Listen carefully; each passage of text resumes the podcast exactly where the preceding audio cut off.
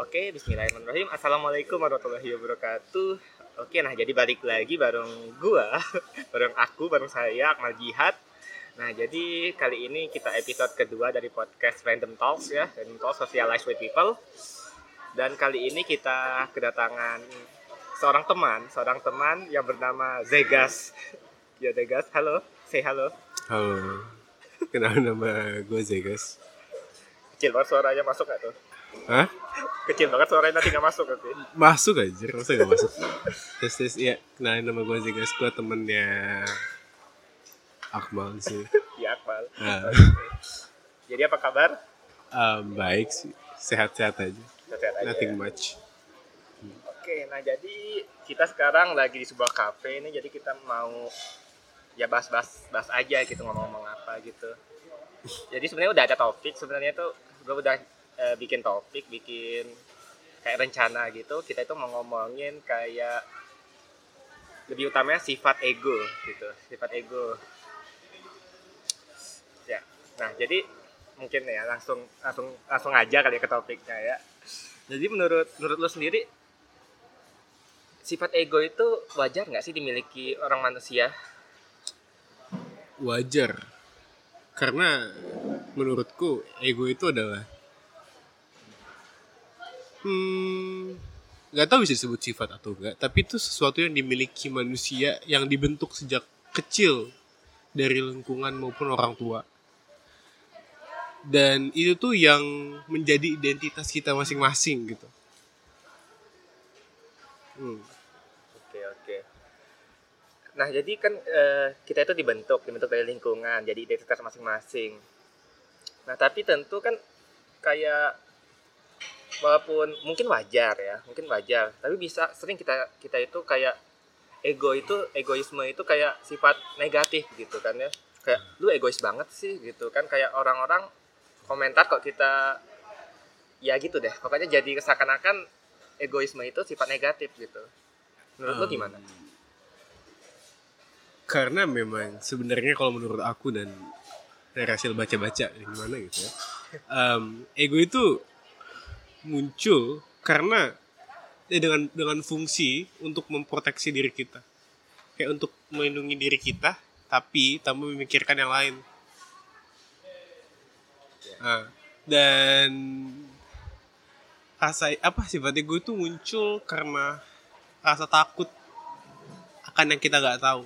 Fear gitu loh rasa terancam dan semacamnya dari lingkungan-lingkungan sekitar yang bisa disebut bahaya tapi sekali lagi itu tuh membuat kita nggak mikirin yang lain hmm, kita ambil contoh aja misalkan kalau aku pengen makan gitu mau makan ada makanan di meja makan istilahnya. ada makanan di meja makan tapi aku tahu itu tuh bukan makanan aku tapi makanan ada aku misalkan Ya kan? kita kalau misalkan aku mau mengedepankan sifat egoku di mana aku lapar aku pengen makan dan aku nggak peduli sama adik aku aku bakal tetap makan. Kurang lebih tuh kayak gitu. Jadi dia tuh fungsinya memang memproteksi diri kita membuat diri kita merasa nyaman membuat diri kita merasa enak tapi dengan mengorbankan yang lain atau tidak peduli dengan yang lain gitu.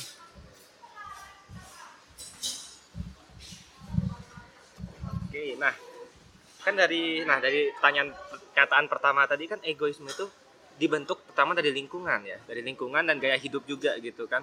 Nah, gimana kalau orang yang mungkin sudah terbiasa dengan lingkungannya itu yang membentuk egonya itu kan otomatis kalau lingkungannya membuat dia misalnya kayak dia itu diperlakukan enak gitu, diperlakukan nyaman di dalam lingkungannya itu.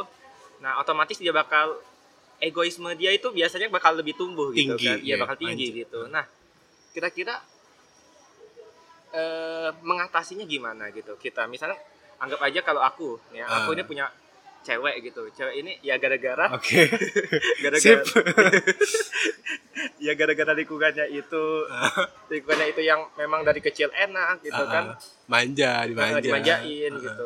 Nah, otomatis waktu dia gede gede otomatis kayak ya kan banyak hal-hal yang nggak aku sukai gitu kan dan hal hal yang nggak aku sukai nggak aku serak gitu nah dan aku mau nyuruh dia berubah gitu kan Iya. mau nyuruh dia berubah atau paling nggak kayak mengurangi hal-hal itu yang menurut aku nggak bagus gitu kan ya yang apa tidak bagus untuk dipertahankan gitu Hmm. terutama dalam hubungan kita gitu kan nah karena dia udah terbiasa dengan hal itu menurut kamu sendiri gimana coba kan nggak bisa dipaksa kan dan Yep, juga betul. eh, kita nggak bisa ngubah seseorang itu tanpa ada niat dari orang tersebut Tersebut, gitu yep. kan nah kalau dia memang egonya tinggi biasanya kan nggak ada Nggak ada muncul iya niat. nggak muncul Iya. niatnya nah itu Iya. kira-kira gimana tuh Oke. Em, kalau menurut saya, kamu mesti get in touch sama sisi dia yang lain. Jadi tuh kan aku bilang ya, ego ini muncul karena lingkungan dan didikan manusia, maksudnya didikan orang tua kita sejak kecil gitu. Bagaimana lingkungan kita itu membentuk sifat kita dan identitas kita dari kecil. Tapi tuh ada hal yang dibawa manusia sejak lahir. Em, yaitu hmm, mungkin terdengar aneh tapi jiwa atau soul. Jiwa manusia gitu. Kalau menurut aku ya dan ini dari hasil baca juga gitu kan. Em, manusia itu terakhir bermoral dan otak manusia itu dibentuk instingnya tuh memang buat kooperatif gitu loh. Hidup dalam komunitas. Ma- apa manusia itu makhluk sosial. Jadi kalau misalkan manusia hanya menggunakan egonya mereka nggak bisa bertahan hidup secara lama nggak sustain. Nah apa hubungannya sama cewek kamu tadi? Gini kalau misalnya kalian udah pacaran ya itu biasanya ada tumbuh rasa cinta rasa sayang gitu kan satu sama lain ya kan Nah, rasa cinta, rasa kasih sayang, rasa care cewek kamu ini itu tuh muncul dari sisi jiwanya dia. Sisi sayangnya dia ke, ke kamu gitu. Nah, ketika dia udah punya rasa sayang itu dan dia nggak terlalu terkendali sama egonya, karena ego itu munculnya ketika biasanya dia tuh merasa terancam atau takut akan sesuatu. Nah, ketika dia tidak di- sedang merasa nyaman dengan kamu dengan gimana di situ tuh biasanya bisa diajak bicara. Karena posisinya dia tuh sedang sayang sama kamu sedang care kamu bisa ajak ngomong gitu. Ketika dia kayak gi- ah, ketika dia lagi sifat seperti itu kan maksudnya kayak lagi sayang sayangnya kamu bisa ajak ngomong kayak aku nggak suka loh. Maksudnya kayak ada sifat kamu tuh yang ada tingkah laku kamu yang aku nggak serak gitu nggak enak gitu. Ngomongnya pelan-pelan. Jangan pernah sebut eh, jangan pernah ngegas jangan pernah ngebuat dia ngerasa bahwa dia itu salah. Itu tuh akan mancing ego. Karena emang itu fungsi ego ego tuh nggak suka dirinya terancam dan sangat takut akan perubahan dan takut banget sama yang namanya salah nggak mau salah ego itu ingin selalu benar jadi ketika kamu sedang kayak berbicara dengan orang yang punya ego tinggi dan kamu eh, kayak menyalahkan dia, dia bakal nggak terima, bakal menolak. Kayak apaan sih? Karena dia merasa tindakan dia sudah benar gitu. Makanya lebih ke kayak saran atau nggak suggestion bahwa kamu sampaikan aja, aku nggak nyaman karena gini-gini. Kalau misalkan kamu berhasil nyampain kayak gitu tanpa dia merasa terserang, tanpa dia merasa ter offend gitu kan nyebutnya. Biasanya itu akan masuk di sisi dia yang bilang kayak karena aku sayang kamu juga gitu loh. Dia sayang kamu. Dia akan berusaha mengingatkan dirinya untuk berubah atau enggak supaya hal itu nggak bakal terjadi lagi gitu. Di situ biasanya muncul niatnya karena rasa kasih sayang dia ke kamu gitu. Nggak susah sih, susah untuk merubah orang yang egonya tinggi kalau misalkan kamu bukan siapa-siapanya dia. Nggak bisa. Karena emang ego itu berfungsinya buat memproteksi diri dia tuh dari orang-orang yang nggak diketahui dia gitu individualis. Seperti itu. Kurang lebih kalau menurut aku ya. Iya iya. Eh, nah itu kan tadi poinnya itu ya kayak kita itu nggak bisa merubah orang ubah, ubah orang itu kalau kita bukan siapa-siapa gitu ya. Jadi obat misalnya kalau kita ya kita mundur ya, bukan pacar. Bagaimana kalau teman gitu? Kita pasti ya kalau lingkungan toksik juga misalnya lingkungan ya teman dekat lah, teman dekat yang egois itu pasti ada lah ya teman dekat itu misalnya kayak dia itu ya misal kalau kita ngajak nongkrong gitu ya gimana ya contohnya kayak mungkin pokoknya dia terus yang apa kita harus ngikut dia gitu Ah, kalau iya. dia yang nentuin tempatnya di mana gitu kan Ah. kalau kita nentuin tempatnya dia nggak mau gitu kan itu kan jatuhnya juga egois, Egois, gitu iya. Nah, ya, ah. pokoknya kita harus ngikut dia kalau kalau apa kalau dia bubar kita harus ikut bubar gitu Yep. kan itu kan parah banget kan egoisnya gitu kan ngerti Nah, ngerti gimana tuh soalnya kan kalau temen itu kan nggak se seintim pacar gitu kan ya pacar Iya. kita itu bisa berbuka gitu dengan pasangan kan kita bisa buka beri suggestion apa gitu kan Uh-uh. sedangkan kalau teman dekat itu belum tentu bisa sedekat itu gitu Yep. nah, itu kira-kira gimana gitu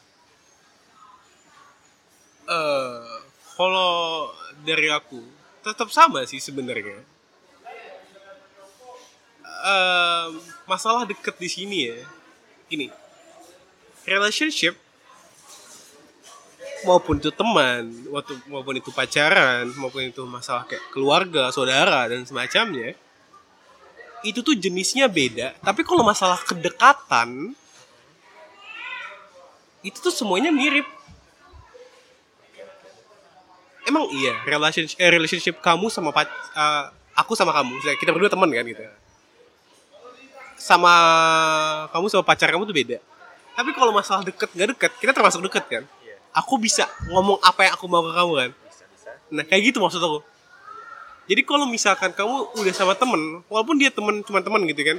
Tapi kalau kalian udah ngerasa deket punya chemistry dan kamu ngerasa ada tindakan dia yang nggak nyaman kalian tetap bisa buka heart to heart session di mana kayak kamu ngasih tahu gitu. Atau kalau misalkan secara kelompok itu kalian bisa ngasih tahu dia gitu. Em, ya ada tindakan kamu yang aku nggak maksudnya kita nggak nyaman gitu. Kamu kok selalu kayak gini kayak gini kayak gini tolong maksudnya tolong kalau bisa gini-gini gitu. Kayak kasih saran karena dari kita kita ngerasa nggak nyaman ketika kamu seperti itu kayak gitu. Menurut aku kalau kalian memang udah deket dan dia juga care sama kalian karena kalian temennya itu bakal work work aja sih. Kecuali dia memang batu dan keras dan kayak bodoh amat gitu loh. Dan membeli lebih memuluh eh sorry, lebih memilih untuk memutuskan pertemanan daripada menurunkan egonya. Gitu jadi mungkin misal kalau memang kita udah soalnya kan biasanya kalau orang yang egois itu biasanya lebih sensitif gitu. Terutama kalau kita kritik gitu kan Iya, coba jangan gini-gini gitu. Biasanya dia kayak langsung. Heeh, kayak- karena dia merasa dirinya kan benar gitu kan Iya. terus waktu dikritik kayak wah orang nganggap salah gitu kan. Iya. berarti ya dia itu otomatis harga dirinya kayak terluka, gitu Terluka. kan. Nah right. heeh, yang biasanya otomatis dia itu jadi misalnya kayak kamu ngeritik aku kan. Aku nggak terima kayak Nggak pandangan terima. aku kamu pasti lain gitu kan ya. Dan otomatis ya pandangan lain otomatis kayak kita bersosialisasi bakal berubah gitu kan sifat-sifat. Nah itu lebih baik ditinggalkan atau gimana itu? Nah jatuhnya kan kayak udah hubungan toksik gitu kan kalau dia udah ngerasa gitu. Kalau itu berlanjut sampai sekian waktu ya mendingan menurut aku nggak bisa dibiarin gitu. Antara kalau ini nih ada maksudnya kayak kan dua pihak ya? Hubungan tuh dua pihak ya? Maksudnya tergantung seberapa sayang aku sama kamu atau enggak seberapa sayang kamu sama aku gitu. Anjing homo bangsat kan kasar. Pakai eh eh pakai aku kamu nggak pakai logo aja kali ya? Boleh boleh. Logo aja kali ya? Santai ya Oke lah. Gak misalkan nih, em, kan yang namanya relationship kan dua pihak, ya kan? Nggak mungkin dari lo doang apa dari gua doang gitu kan? Ya pasti kalau misalkan lo tetap pengen memperjuangin ego lo, misalkan kayak nggak peduli sama gua ngerasain kayak gimana dan kayak tetap ngerasa diri lo benar dan mandang gua lain gitu kayak jatuhnya nge-hate gua atau nggak ngapain gua gitu. Kan ada dua tindakan yang bisa gua lakukan. Memutuskan bahwa you are not worth my time ya kan kayak lo nggak nggak nggak seberharga waktu gua gitu loh jadi kayak memutuskan gue tinggalin aja ngapain sih dibiarin tapi atau gue beneran berusaha buat ngebantu lo mengerti gitu loh. Karena gue care sama lo banget. Karena kita udah temen dari kecil kayak gitu misalkan. Karena ya itu tuh beneran tergantung perasaan lo pada dia gitu. Nah, lo sama gue gitu. Eh ya itu tergantung diri lo pokoknya. Kalau lo ngerasa lo tahan ego itu nggak hanya dari lo soalnya dari gue juga kalau misalkan gue beneran kayak menurutin ego gue dan kayak ngerasa lo udah nge-hate gue nih dan gue nggak terima juga dong. Kok gue di hate padahal gue cuma berusaha menyampaikan pendapat gue gitu. Kalau misalkan gue nggak terima dan gue kayak ah apaan sih? Nggak jelas bego gitu ya ya udah gue cabut. Tapi kalau misalkan gue berhasil menurunkan ego gue dan memunculkan rasa sayang atau enggak itu lo mungkin it will work karena gue bakal terus nge-support lo dan bantu lo buat berubah. Hmm. But then again ini juga mesti apa namanya mesti diperingatin. Kalau misalkan udah toxic banget you know like hubungan kayak gini kan toxic kan tuh ya kalau misalkan kayak gitu kan. Udah toxic banget dan lo ngerasa diri lo udah terlalu mengorbankan banyak hal untuk memperbaiki hubungan ini I think it's better to go. Gitu loh.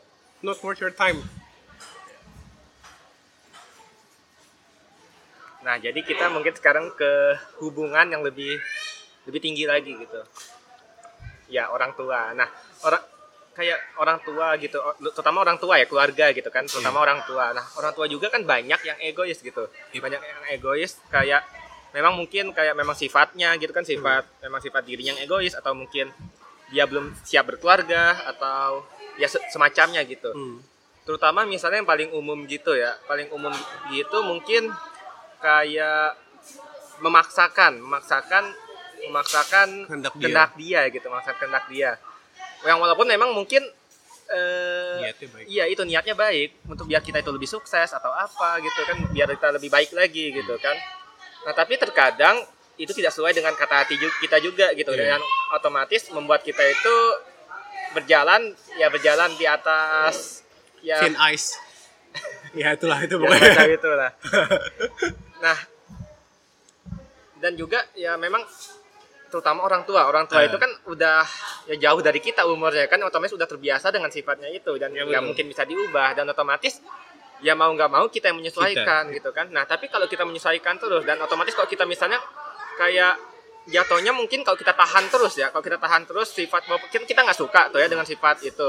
Tapi kita tahan terus otomatis itu bisa jadi bom waktu kan bom waktu otomatis pada suatu saat pada suatu saat saat kita tidak tahan lagi bisa hmm. saja semuanya itu kayak terus meledak gitu kan. Yep. nah kita luapkan semuanya gitu kan mulai dari emosi kita marah kita sedih kita karena hmm. kita nggak tahan lagi.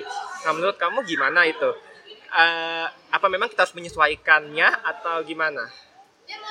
Atau kita harus tahan gitu atau adaptasi atau gimana? Tahan bukan kata yang tepat sih kalau menurut aku ya. Tapi memang susah sih untuk untuk kayak ngebentuk ini dari kecil. Karena apa yang orang tua kamu tanamkan ke kamu itulah yang membuat diri kamu gitu. Kebanyakan tuh itu lingkungan apalagi gitu kan. Nah tahan itu menurut aku kurang tepat karena tahan itu seperti apa yang kayak lo bilang. Tahan itu bom waktu. Karena kalau misalkan nih lo ngerasa sakit terus lo tuh kayak um, ya udah lah ya dia mesti kayak orang tua gua gitu gua mesti tahan ini gitu. Tapi lama kelamaan itu itu tuh kayak ngebuat rasa dendam di diri lo gitu. Karena lo nggak berusaha mengerti kenapa lo sakit dan kenapa mereka melakukan hal itu gitu. Lo hanya tahan dan menganggap bahwa mereka adalah orang tuaku jadi aku harus mengikuti kata mereka.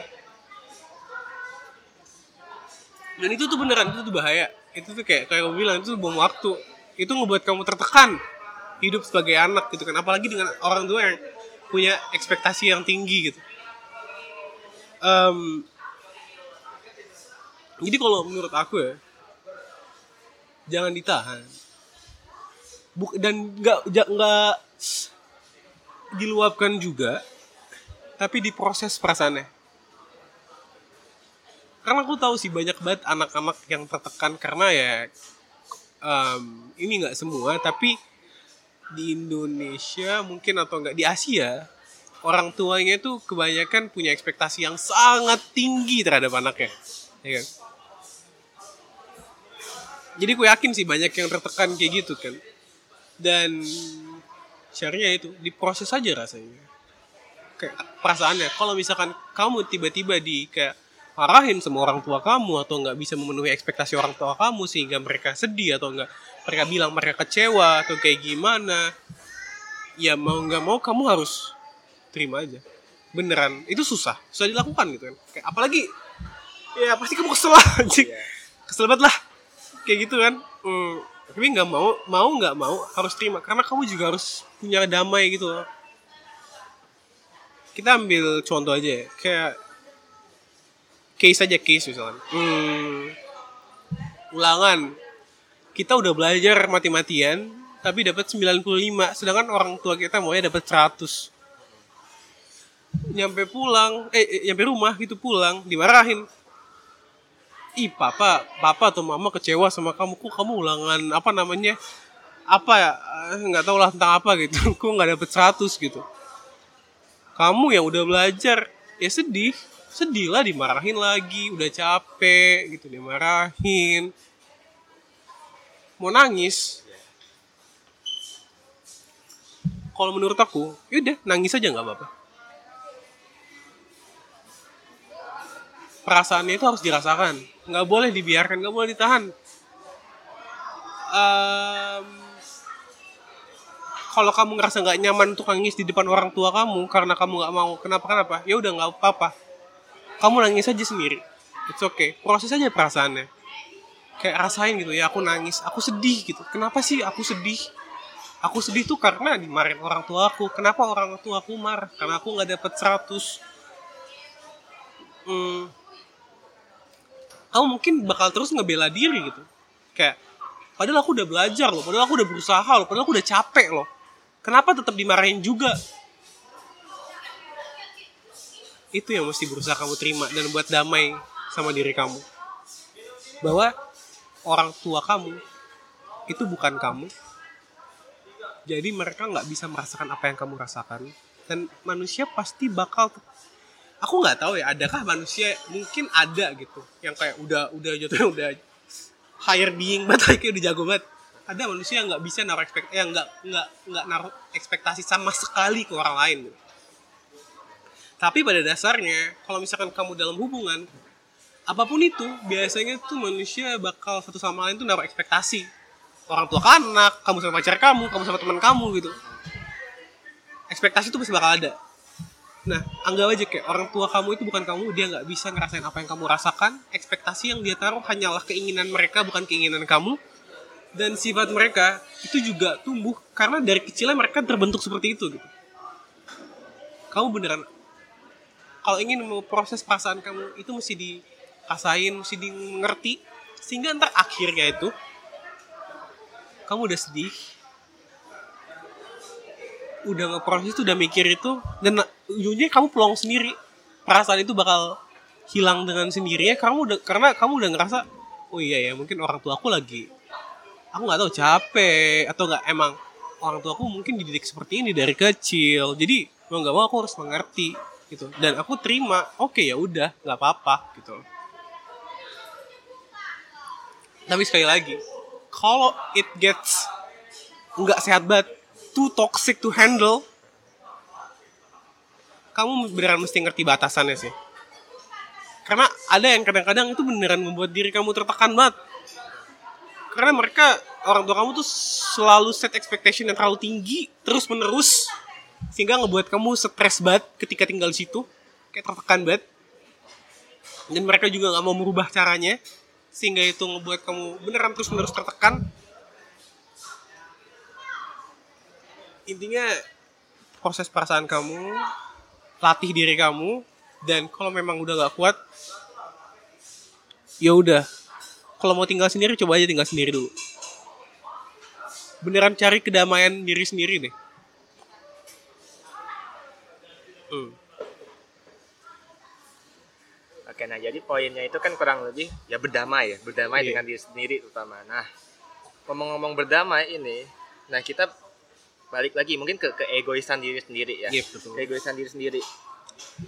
Mungkin eh, kita ambil contoh yang paling nggak yang paling umum juga sih, yang mungkin salah satunya keegoisan para lelaki gitu. Nah, terutama dalam pasangan, dalam memilih pasangan. Kadang lelaki itu kalau memilih pasangan itu terutama kalau pasangannya itu wanita itu sudah pernah memiliki cowok lain gitu kan dan ternyata hubungannya itu hubungannya itu jauh sudah jauh dengan cowok sebelum kita gitu. Nah kadang kan eh, kita itu sebagai cowok itu punya egoisme tidak mau jadi cowok orang kedua tidak mau jadi orang kedua gitu dan atau bahasa kasarnya nggak mau cewek bekas gitu. Nah itu banyak loh itu kayak aku paham aku sering gitu. Aku makanya mengerti. uh, uh, Aku itu mengerti. sering di circle gua terutama kayak ngomongin-ngomongin ya cewek bekas atau apa gitu kan atau terutama kayak eh cewek itu yang utama itu tubuhnya gitu. Maksudnya kalau dia udah nggak pernah jaga tubuhnya itu udah nggak ada nggak berarti lagi. Nah itu. Nah itu kan kayak memang keegoisan lelaki yang dia seakan-akan dia itu lebih tinggi daripada perempuan gitu kan. Jadi dia itu kayak eh ya seperti itu sih pokoknya. Nah itu mungkin eh, yang nggak salah juga nggak bisa kita salahin. Karena memang mungkin pandangan dia kan kayak gitu ya. Pandangan dia memang mungkin dia tuh kayak menjaga diri atau apa. Nah tapi kira-kira ya kita balik lagi misalnya kalau kita mau menerima menerima seorang wanita Perempuan, seperti itu iya. eh, perempuan seperti itu nah bagaimana cara kita bisa berdamai terutama dengan masa lalunya sebagai ya untuk meng, apa menekan keegoisan kita sebagai lelaki tadi Oke. Satu. Masa lalu perempuan lo, masa lalu cewek lo, itu nggak ada hubungannya sama sekali sama diri lo yang sekarang. Like, lo siapa di eh, lo siapa di masa lalu dia? Lo bukan siapa-siapa, coy. Iya kan? Kayak kita tuh baru muncul pas kita pacaran gitu. Masa lalunya dia emang mau diapain lagi nggak bisa dia apain ya gue tahu gitu kayak ada rasa nggak terima ada rasa gimana ada rasa penasaran atau apa emang susah buat terimanya tapi itu beneran lo yang bisa selesaikan lo nggak bisa sama sekali menuntut cewek lo apa pun kalau bisa karena salah itu karena masa lalu dia tuh bukan hubungan lo anjir mesti kayak nggak ada hubungannya sama lo misalkan gue punya cewek yang dulunya perek PSK pelacur gitu kan Hmm, kita lagi di kafe.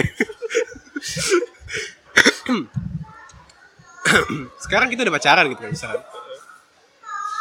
Well, emang mungkin ya.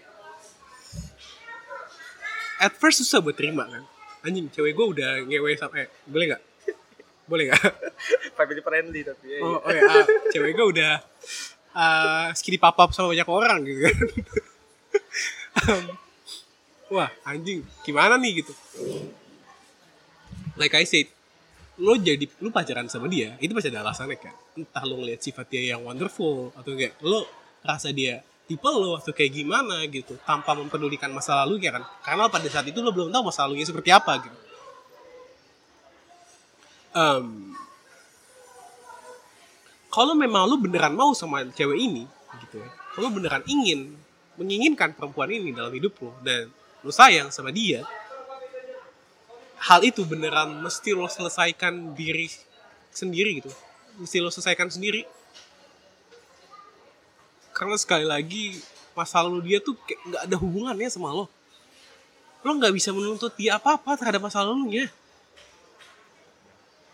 Eh, yang ada itu kan ego ya bener. Itu tuh ego. Ego ego lo yang kayak gitu tuh. Em, lo pengennya ini pengennya itu gitu. Gue nggak mau cewek lo kayak gimana gimana gitu kan. Itu ego lo itu yang ego lo itu yang berbicara. Em, di sini lo harus mikir apakah lo double standard? Kayak apakah lo pernah skip papap juga sama cewek sebelumnya atau enggak? Kalau misalkan pernah kenapa lu naruh standar itu ke cewek lu tapi nggak naruh itu ke, ke diri lu sendiri? Atau enggak kalau misalkan lu nggak pernah skip apa tapi cewek lu udah pernah skip apa sama ce- cewek-cewek lain sebelumnya dan lu beneran nggak mau nerima itu kayak nggak bisa. Dan oke menurut gua kalau it's a deal breaker maksudnya kalau it's something that you can't really accept karena itu bakal mengganggu pikiran lo ya udah mendingan cabut aja. Jujur itu beneran buat kedamaian diri lo sendiri. Lo nggak bisa memaksakan diri lo untuk berdamai kalau misalkan lo beneran nggak bisa terima itu. Susah. Susah banget. Tapi ya tapi kan itu ego ya. Tapi itu lama kelamaan ego itu bakal rendah dengan sendirinya. Kalau misalkan nggak lo kasih makan ego itu makanannya nih ya rasa takut ya rasa terancam rasa-rasa kayak gitu itu makanan ego gitu. Ketika lo tahu cewek lo pernah kayak gitu muncul nih di otak lo tuh rasa takut. Apakah ke depannya dia akan melakukan hal yang sama apakah gini gini gitu. Dan di situ tuh ngasih makan ego lu sehingga lu tuh berasa ngerasa bahwa gue tuh berhak menuntut menuntut cewek gue untuk ngelakuin ini gitu. Menuntut cewek gue untuk ini menuntut cewek gue untuk itu gitu. The thing is no Enggak, enggak kayak gitu. Lu bener-bener mesti, kalau lu nggak bisa terima, beneran nggak bisa terima, dan lu nggak damai dan nggak mau karena hal itu, karena emang lu ngerasa lu nggak pernah segini apa kenapa cewek gue ada pernah, ya udah cabut aja. Karena jujur, gue juga kayak udah pernah ngebahas ini untuk sama beberapa orang dan sebagainya dan kalau dipaksa ya kalau dipaksa itu takutnya lo udah bertahun-tahun sama dia tapi di otak lo tuh masih mikir itu gitu. Dan itu tuh menyiksa lo. Ini bahayanya. Semakin lo cinta sama dia semakin sakit. Karena ego. Yang ngebuat sakit bukan rasa cinta tapi ego. Ego lo tuh nggak terima dia kayak gitu tapi rasa cinta lo udah sekuat itu jadi itu tuh ngebuat rasa sakit yang teramat sangat. Jatuhnya tuh kayak anggap rasa cinta lo tuh sebagai berat badan ya. Terus um, anggap ego tuh sebagai paku. Lo ya lo dari ketinggian tertentu kalau berat badan lo ringan banget pakunya mungkin gak terlalu nusuk tapi kalau rasa cinta lo kuat banget, sakit coy. Ada dua cara. Satu adalah ngurangin berat badan lo atau rasa cinta lo pada dia. Atau nggak dua, nurunin ego lo atau numpulin paku itu. Biar gak sakit. Kayak gitu.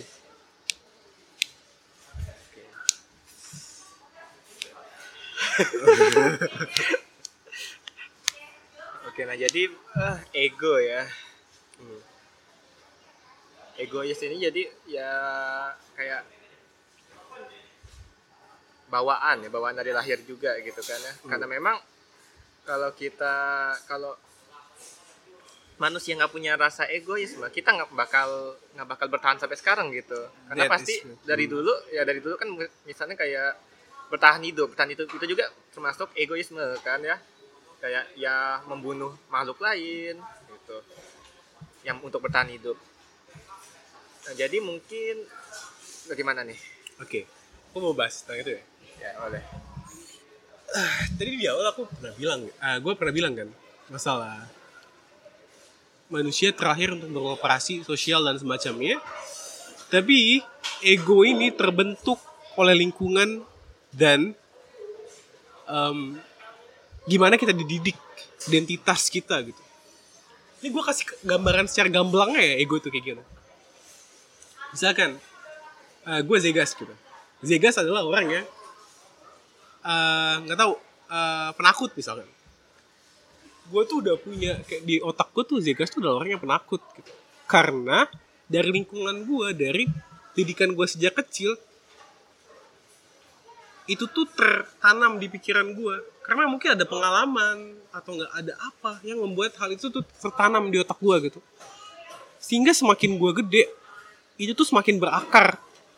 Sifat itu tuh semakin berakar di gue dan gue makin percaya bahwa gue tuh adalah orang yang penakut identitas gue Zegas adalah orang penakut nah kadang-kadang sebenarnya tuh pada aslinya jiwa kita tuh nggak takut akan sesuatu. Contoh misalkan apa aja deh gitu. Aku nggak tahu misalkan masalah takut kehilangan HP atau nggak takut kehilangan siapa gitu.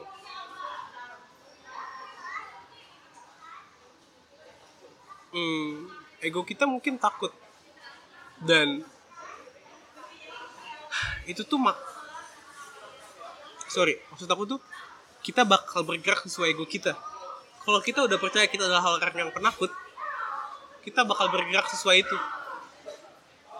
Kalau dari kecil tertanam di, dari diri kita bahwa kita adalah orang yang pemberani kita bakal bergerak sesuai itu.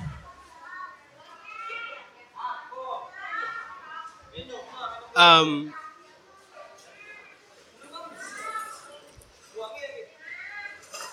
tapi masalahnya ego tuh nggak mau dan nggak suka dirubah. Identitas adalah hal yang sensitif bagi ego bagi kita bahkan. Itu tuh hal yang berat untuk diubah. Dan ego beneran nggak suka yang namanya merubah tentang dia. Atau nggak sifatnya. Makanya ketika ada orang atau nggak? Ada seseorang yang mengkritik kita atau nggak? Ngapain kita? Dan itu bertentangan sama ego kita. Seringkali kita pasti ngelawan karena ego kita merasa terancam akan perubahan gitu. Ego ingin selalu benar ya kan? Kalau kita dikritik berarti ada yang salah. Kalau ada yang salah berarti mesti ada yang harus diubah. Tapi ego nggak suka itu. Karena ego ingin selalu benar makanya gue nggak suka salah dan nggak suka yang namanya perubahan. Padahal kalau misalkan kamu berhasil jatuhnya kayak merendahkan ego kamu dan ngebuat dia itu kayak ka, uh, bukan karet plastisin bisa dirubah.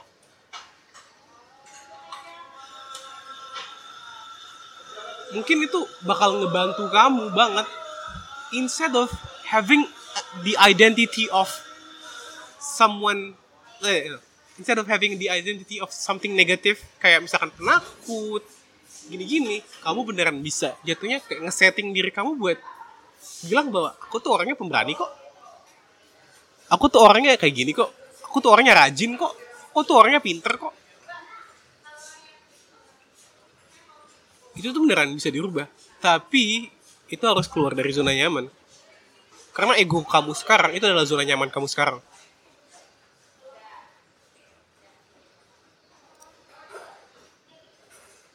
untuk masalah jiwa. Ini tuh kayak bisa disebut sisi lain dari diri kita. Aku nggak tahu sih nyebutnya gimana. Tapi itu menurut aku inilah yang terbentuk dari kita sejak lahir. Kita kita keluar dari perut mama kita perut orang tua kita yang terstruktur yang dibentuk di otak kita. Jadi kayak kayak binatang itu yang punya insting buat reproduksi buat makan buat saling ngebantu buat ngikutin orang tuanya itu. Itu terakhir dengan itu juga. Manusia tuh terakhir ber, terakhir bermoral menurut aku. Um, jadi otak kita tuh dibentuk untuk support satu sama lain karena evolusi tuh memaksa itu gitu. Maksudnya kita tuh dipaksa buat kan setiap makhluk hidup tuh kan berusaha sekuat-kuatnya untuk bertahan hidup ya supaya bisa muncul generasi selanjutnya kan?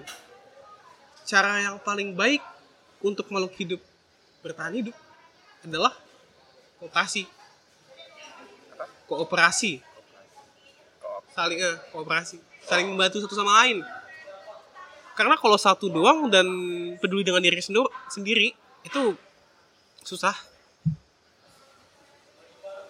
Nah ini loh yang sebenarnya ke innate sifat lahir, sifat bawaan, eh enggak, sesuatu bawaan dari manusia gitu. Rasa kasih sayang, rasa care, rasa peduli satu sama lain, rasa itu ingin membantu. Maya kan enak kan rasa kalau misalkan lo berhasil ngebantu orang itu bisa enak kan rasanya. Ya itu tuh. Ada ada ada hormon yang ngebuat tuh ngerasa enak ketika lo ngebantu orang um, hmm. mereka berdua ego sama jiwa lo ini mesti balance. Karena lo juga nggak bisa kehilangan identitas lo. Tapi lo juga harus apa namanya menjaga jiwa lo ini supaya nggak tertutup tertutup dengan identitas lo tuh karena rasa kasih sayang tuh tetap ada rasa cinta rasa itu tuh tetap ada. Rasa peduli rasa ingin mengorbankan diri kita demi orang yang kita cintai itu tetap ada. Dan ini berdua beneran mesti imbang. Lo nggak bisa mengorbankan diri lo terlalu banyak untuk orang lain tapi lo juga nggak bisa terlalu peduli sama diri lo. Kan gue gue dari tadi ngomongin ada dua sisi kan. Ada kayak masalah jiwa sama masalah ego gitu kan kayak soul sama mungkin ego gitu. Terus kita tuh apa? Kita tuh di mana? Kita tuh apa sih? Kalau misalkan pikiran kita itu adalah ego sifat kita itu adalah ego terus kayak rasa rasa sayang itu adalah ini ada itu adalah itu terus kita tuh apa?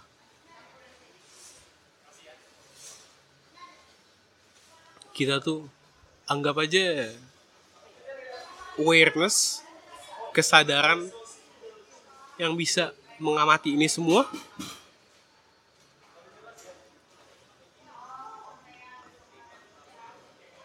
Itulah sih kebanyakan fungsi dari meditasi itu.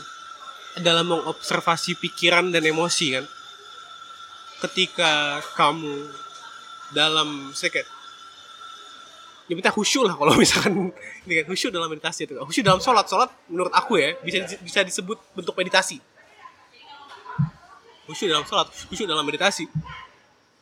Dan kamu perhatikan pikiran kamu yang muncul beneran dari sisi ketiga bukan gini. Misalkan aku berpikir aku pengen aku ingin terbang ah gitu. Kamu take a step back terus observasi pikiran itu muncul dari mana? Kok aku ingin terbang? Muncul dari mana pikiran itu? Dicari tahu gitu loh. Kamu beneran kayak em, bukan memberikan dinding tapi beneran observasi dari mana itu pikiran muncul gitu. Sama dengan perasaan kok aku sedih? Kok aku marah? Kok aku kesel? gitu. Muncul dari mana sih perasaan ini? Kenapa aku kesel? Terus cara ngehandle nya gimana? Cara ngeprosesnya kayak gimana? Nah kamu tuh beneran itu itu. Kamu yang kayak pengendali tubuh ini. Pengendali segala emosi ini pengendali pikiran ini. Kamu tuh awareness itu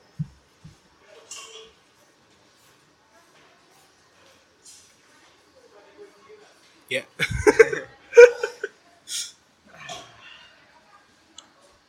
Ya benar sih. Jadi ya kurang lebih berarti kan eh, kita itu nggak bisa menghilangkan sifat egois kita secara penuh gitu. Iya. kita hanya bisa menekannya gitu menekankan dan menyeimbangkannya dengan jiwa kita dengan eh, kan egoisme itu kan ke diri kita sendiri gitu kan sifat kita. Nah kita itu harus bisa menyeimbangkan eh, rasa mementingkan diri kita sendiri dengan rasa peduli dengan orang Iya. lain gitu untuk menjadi ya manusia yang normal Seutuhnya, balance ya. iya. manusia yang seutuhnya gitu balance. Jadi mungkin ya mungkin itu aja. Ya, jadi mungkin ya eh, untuk yang terakhir mungkin ya. Eh zona nyaman tadi ya kan? Nah zona Hmm. nyaman itu. Mungkin ini untuk saya sendiri juga ya saya sendiri. Hmm. nah kan saya sendiri ini memang ada masa-masa terutama, terutama sekarang ya kayak malas. Iya, malas itu kan bukan zona nyaman kayak malas itu kan kayak kita enak-enakan kita leha-leha kita santai-santai gitu kan. Dan kadang-kadang juga eh di saat kita malas ini terutama kayak kita ke kegiatan baik itu di sekolah maupun itu kuliah Hmm. nah organisasi terutama organisasi. Nah kadang kan kalau kita lagi malas itu kadang ya kita itu kalau ada orang yang butuh kita itu kan kita ghosting kita biarkan gitu kan Iya. yang otomatis itu kayak mementingkan ego kita juga kan Ya, kayak betul kita tuh ah mau ini mau santai-santai gitu kan Ah, dan kadang juga kita berpikiran kalau kalau aku bantu dia apa sih untungnya, Untungnya gitu. gitu. Heeh, apa sih untungnya terutama kayak apalagi kalau dia itu bukan teman dekat kita kan Iya. kan organisasi itu biasanya kan kayak orang-orang jauh gitu kan Iya. orang-orang jauh walaupun sebenarnya kita itu kayak ada manfaat juga kayak membentuk koneksi bentuk ini. Nah tapi Benefit. kadang karena kita egois kita terlalu tinggi ah nggak usah repot-repot lah nggak usah repot-repot gitu. Teman dekat juga ada gitu Hmm. kan. Nggak usah jauh-jauh ya biarin organisasi ini ghosting aja lah. Nanti mungkin kalau udah udah rajin nanti ikut lagi paling balik lagi gitu kan. Nah kira-kira gimana cara mengatasi mengatasi hal itu gitu sifat tersebut gitu? Ini. Ya aku bilang tadi tuh kita tuh pengendali tubuh kita. Kita jangan berusaha jangan sampai tergendali sama yang namanya ego dan tadi tuh soulnya mungkin aku nggak tahu kita tuh beneran master of master of your own body gitu. Um, rasa malas rasa apa? Nggak mau mesti kayak mikir apa sih benefitnya buat kita gitu-gitu. Itu tuh kayak bukti mungkin atau enggak uh, suatu yang membuktikan bahwa emang kita tuh lagi dikendalikan sama kemauan kita. Karena maunya diri ini itu adalah bermalas-malasan maunya diri ini adalah itu ini itu kita malah ngikutin maunya diri kita aja. Kayak nggak peduli sama hal-hal yang lain dan nggak mikir panjang buat hal-hal yang lain karena pedulinya sama diri kita aja gitu kan.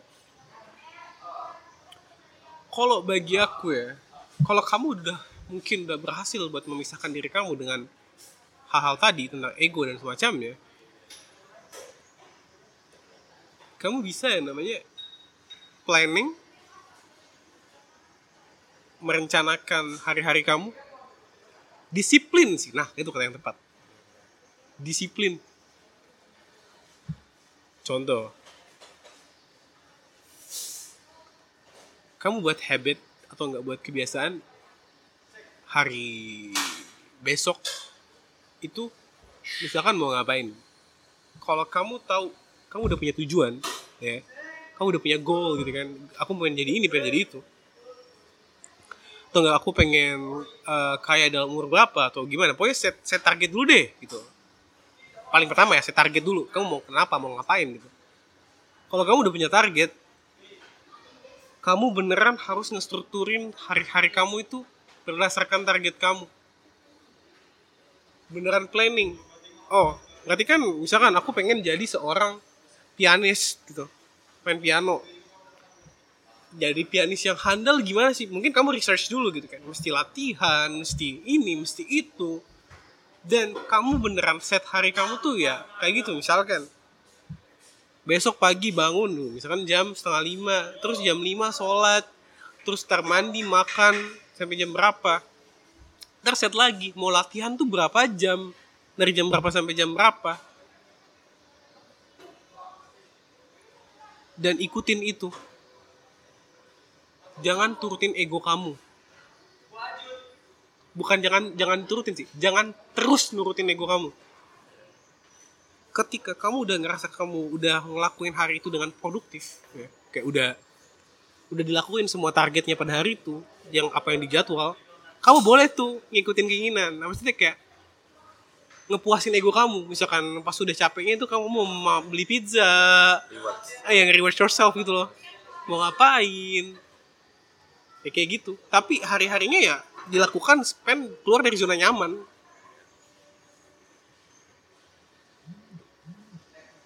Intinya kalau misalkan kamu lagi capek atau lagi males coba deh kayak pikir kenapa sih gue capek orang gue cuman kayak gini gitu? Kenapa sih gue malas-malasan gitu gitu? Intinya pikiran ini your thoughts is not you your feelings is not you. Ka kamu bisa ya itu hal yang kamu rasakan dan hal yang kamu pikirkan. Tapi aksi yang kamu lakukan itu ditentukan sama your awareness. Kayak gitu. Oke, oke. Oke, nah jadi ya benar sih ya kayak kita itu kalau memang Mas Malesan itu kayak memang ya jangan jangan malas lah gitu kan. Kayak kalau mau keluar zona nyaman ya keluar tinggal keluar gitu kan. Just do it gitu. Walaupun memang kadang yang kita butuhkan itu justru willpower kita. Willpower itu kayak ya willpower kayak ke misalnya kayak tadi itu karena kalau kita mau jadi pianis nah kita itu biasanya udah research latihan. Nah biasanya itu cuma bertahan pada hari pertama gitu atau hari minggu pertama. Sedangkan setelah setelahnya kayak aduh capek ya kalau aku misalnya kalau aku main sama temen ya mungkin bisa ini kan ya bisa apa bisa seru-seru gitu kan. Kadang kan ya gitu willpower kurangnya willpower gitu kan ya. Aku punya tips untuk masalah willpower. So sebenarnya willpower itu kayak dari aku yang aku tahu ya willpower itu kayak otot. Semakin digunain semakin capek. Jadi willpower itu itu ini bukan kayak anime atau enggak bukan kayak di manga-manga di mana kayak willpower itu adalah hal yang kayak kayak nggak habis habis gitu loh. Kayak aku bisa menah kayak bertahan gitu aku bisa bisa bisa. Nggak kayak gitu. Karena willpower itu bisa. Capek. Nah cara untuk em, mengurangi penggunaan willpower kamu supaya efektif supaya efisien itu dengan cara nge-cut off godaannya beneran langsung di cut off aja. Nggak diadain. Emang godaan godaan itu dihilangin. Contoh ya. Misalkan nih. Em, punya HP nih. Ya. HP ini biasanya kalau misalnya kita mau produktif itu ngeganggu banget. Iya gak sih? Ngecek IG lah, ngecek WA lah, ngecek apa gitu kan. Lagi kerjain terus tiba ting gitu kan. Ganggu banget kan? The thing you should do is not oh, Bukan kayak gini Pokoknya gak boleh lihat HP Gak boleh. Harus tahan gitu, fokus. Tapi the thing is kamu tetap mikirin gitu Apa anjing? Ini chatnya apa? gitu, muncul apa? gitu kan. Tau gak cara yang paling efektif supaya beneran gak ngabisin willpower kamu adalah Ini HP kalau nggak disuruh kamu suruh siapa sembunyiin dan beneran nggak boleh dikasih ke kamu atau enggak kamu punya kotak. Ada sih kayak alat gitu yang kotak terus kamu masukin HP-nya terus ada ada timernya dan timer itu nggak bisa dibuka. Kalau misalkan eh, dalam waktu tertentu gitu. Jadi kamu beneran nge-cut off godaan itu dan kamu nggak butuh willpower buat nahan pengen megang HP lagi karena itu bukan opsi lagi. Beneran deh karena willpower itu tuh bukan kayak hal yang nggak habis habis. Ini ini riset ya riset yang beneran udah terbukti. Ada kayak scientific scientific riset gitu. Manusia gini aku lupa tesnya gimana oh. Eh, studi orang dewasa. Aku lupa berapa 100 itu aku lupa. Itu di depannya itu dikasih satunya coklat satunya tuh kayak dikasih makanan gak enak gitu. Kata orangnya jangan makan coklatnya. Gitu kan? Nah. Setelah itu eh, sorry itu itu itu itu untuk bagian yang A gitu. Terus ada bagian yang B yang dibilang ya udah boleh makan dua-duanya gitu. Nggak usah nahan. Dengan bebas aja. Terus setelah itu setelah kayak setengah jam kayak gitu dibiarin kayak gitu mereka langsung dikasih tes. Yang nahan yang nahan makan coklat yang udah berusaha nahan makan coklat supaya nggak makan gitu itu di tesnya resultnya lebih bad dan lebih nggak mau mikir. Kayak males. Karena willpower itu udah hilang duluan udah capek. Udah dihabiskan buat nahan gak makan coklat. Jadi mereka merasa mereka udah udah berusaha ngelakuin sesuatu gitu. Berusaha menahan sesuatu. Karena willpower itu usaha bentuk usaha gitu. Kayak gitu. Jadi kalau misalkan kamu pengen produktif kalau misalkan lingkungan kamu banyak godaan susah anjir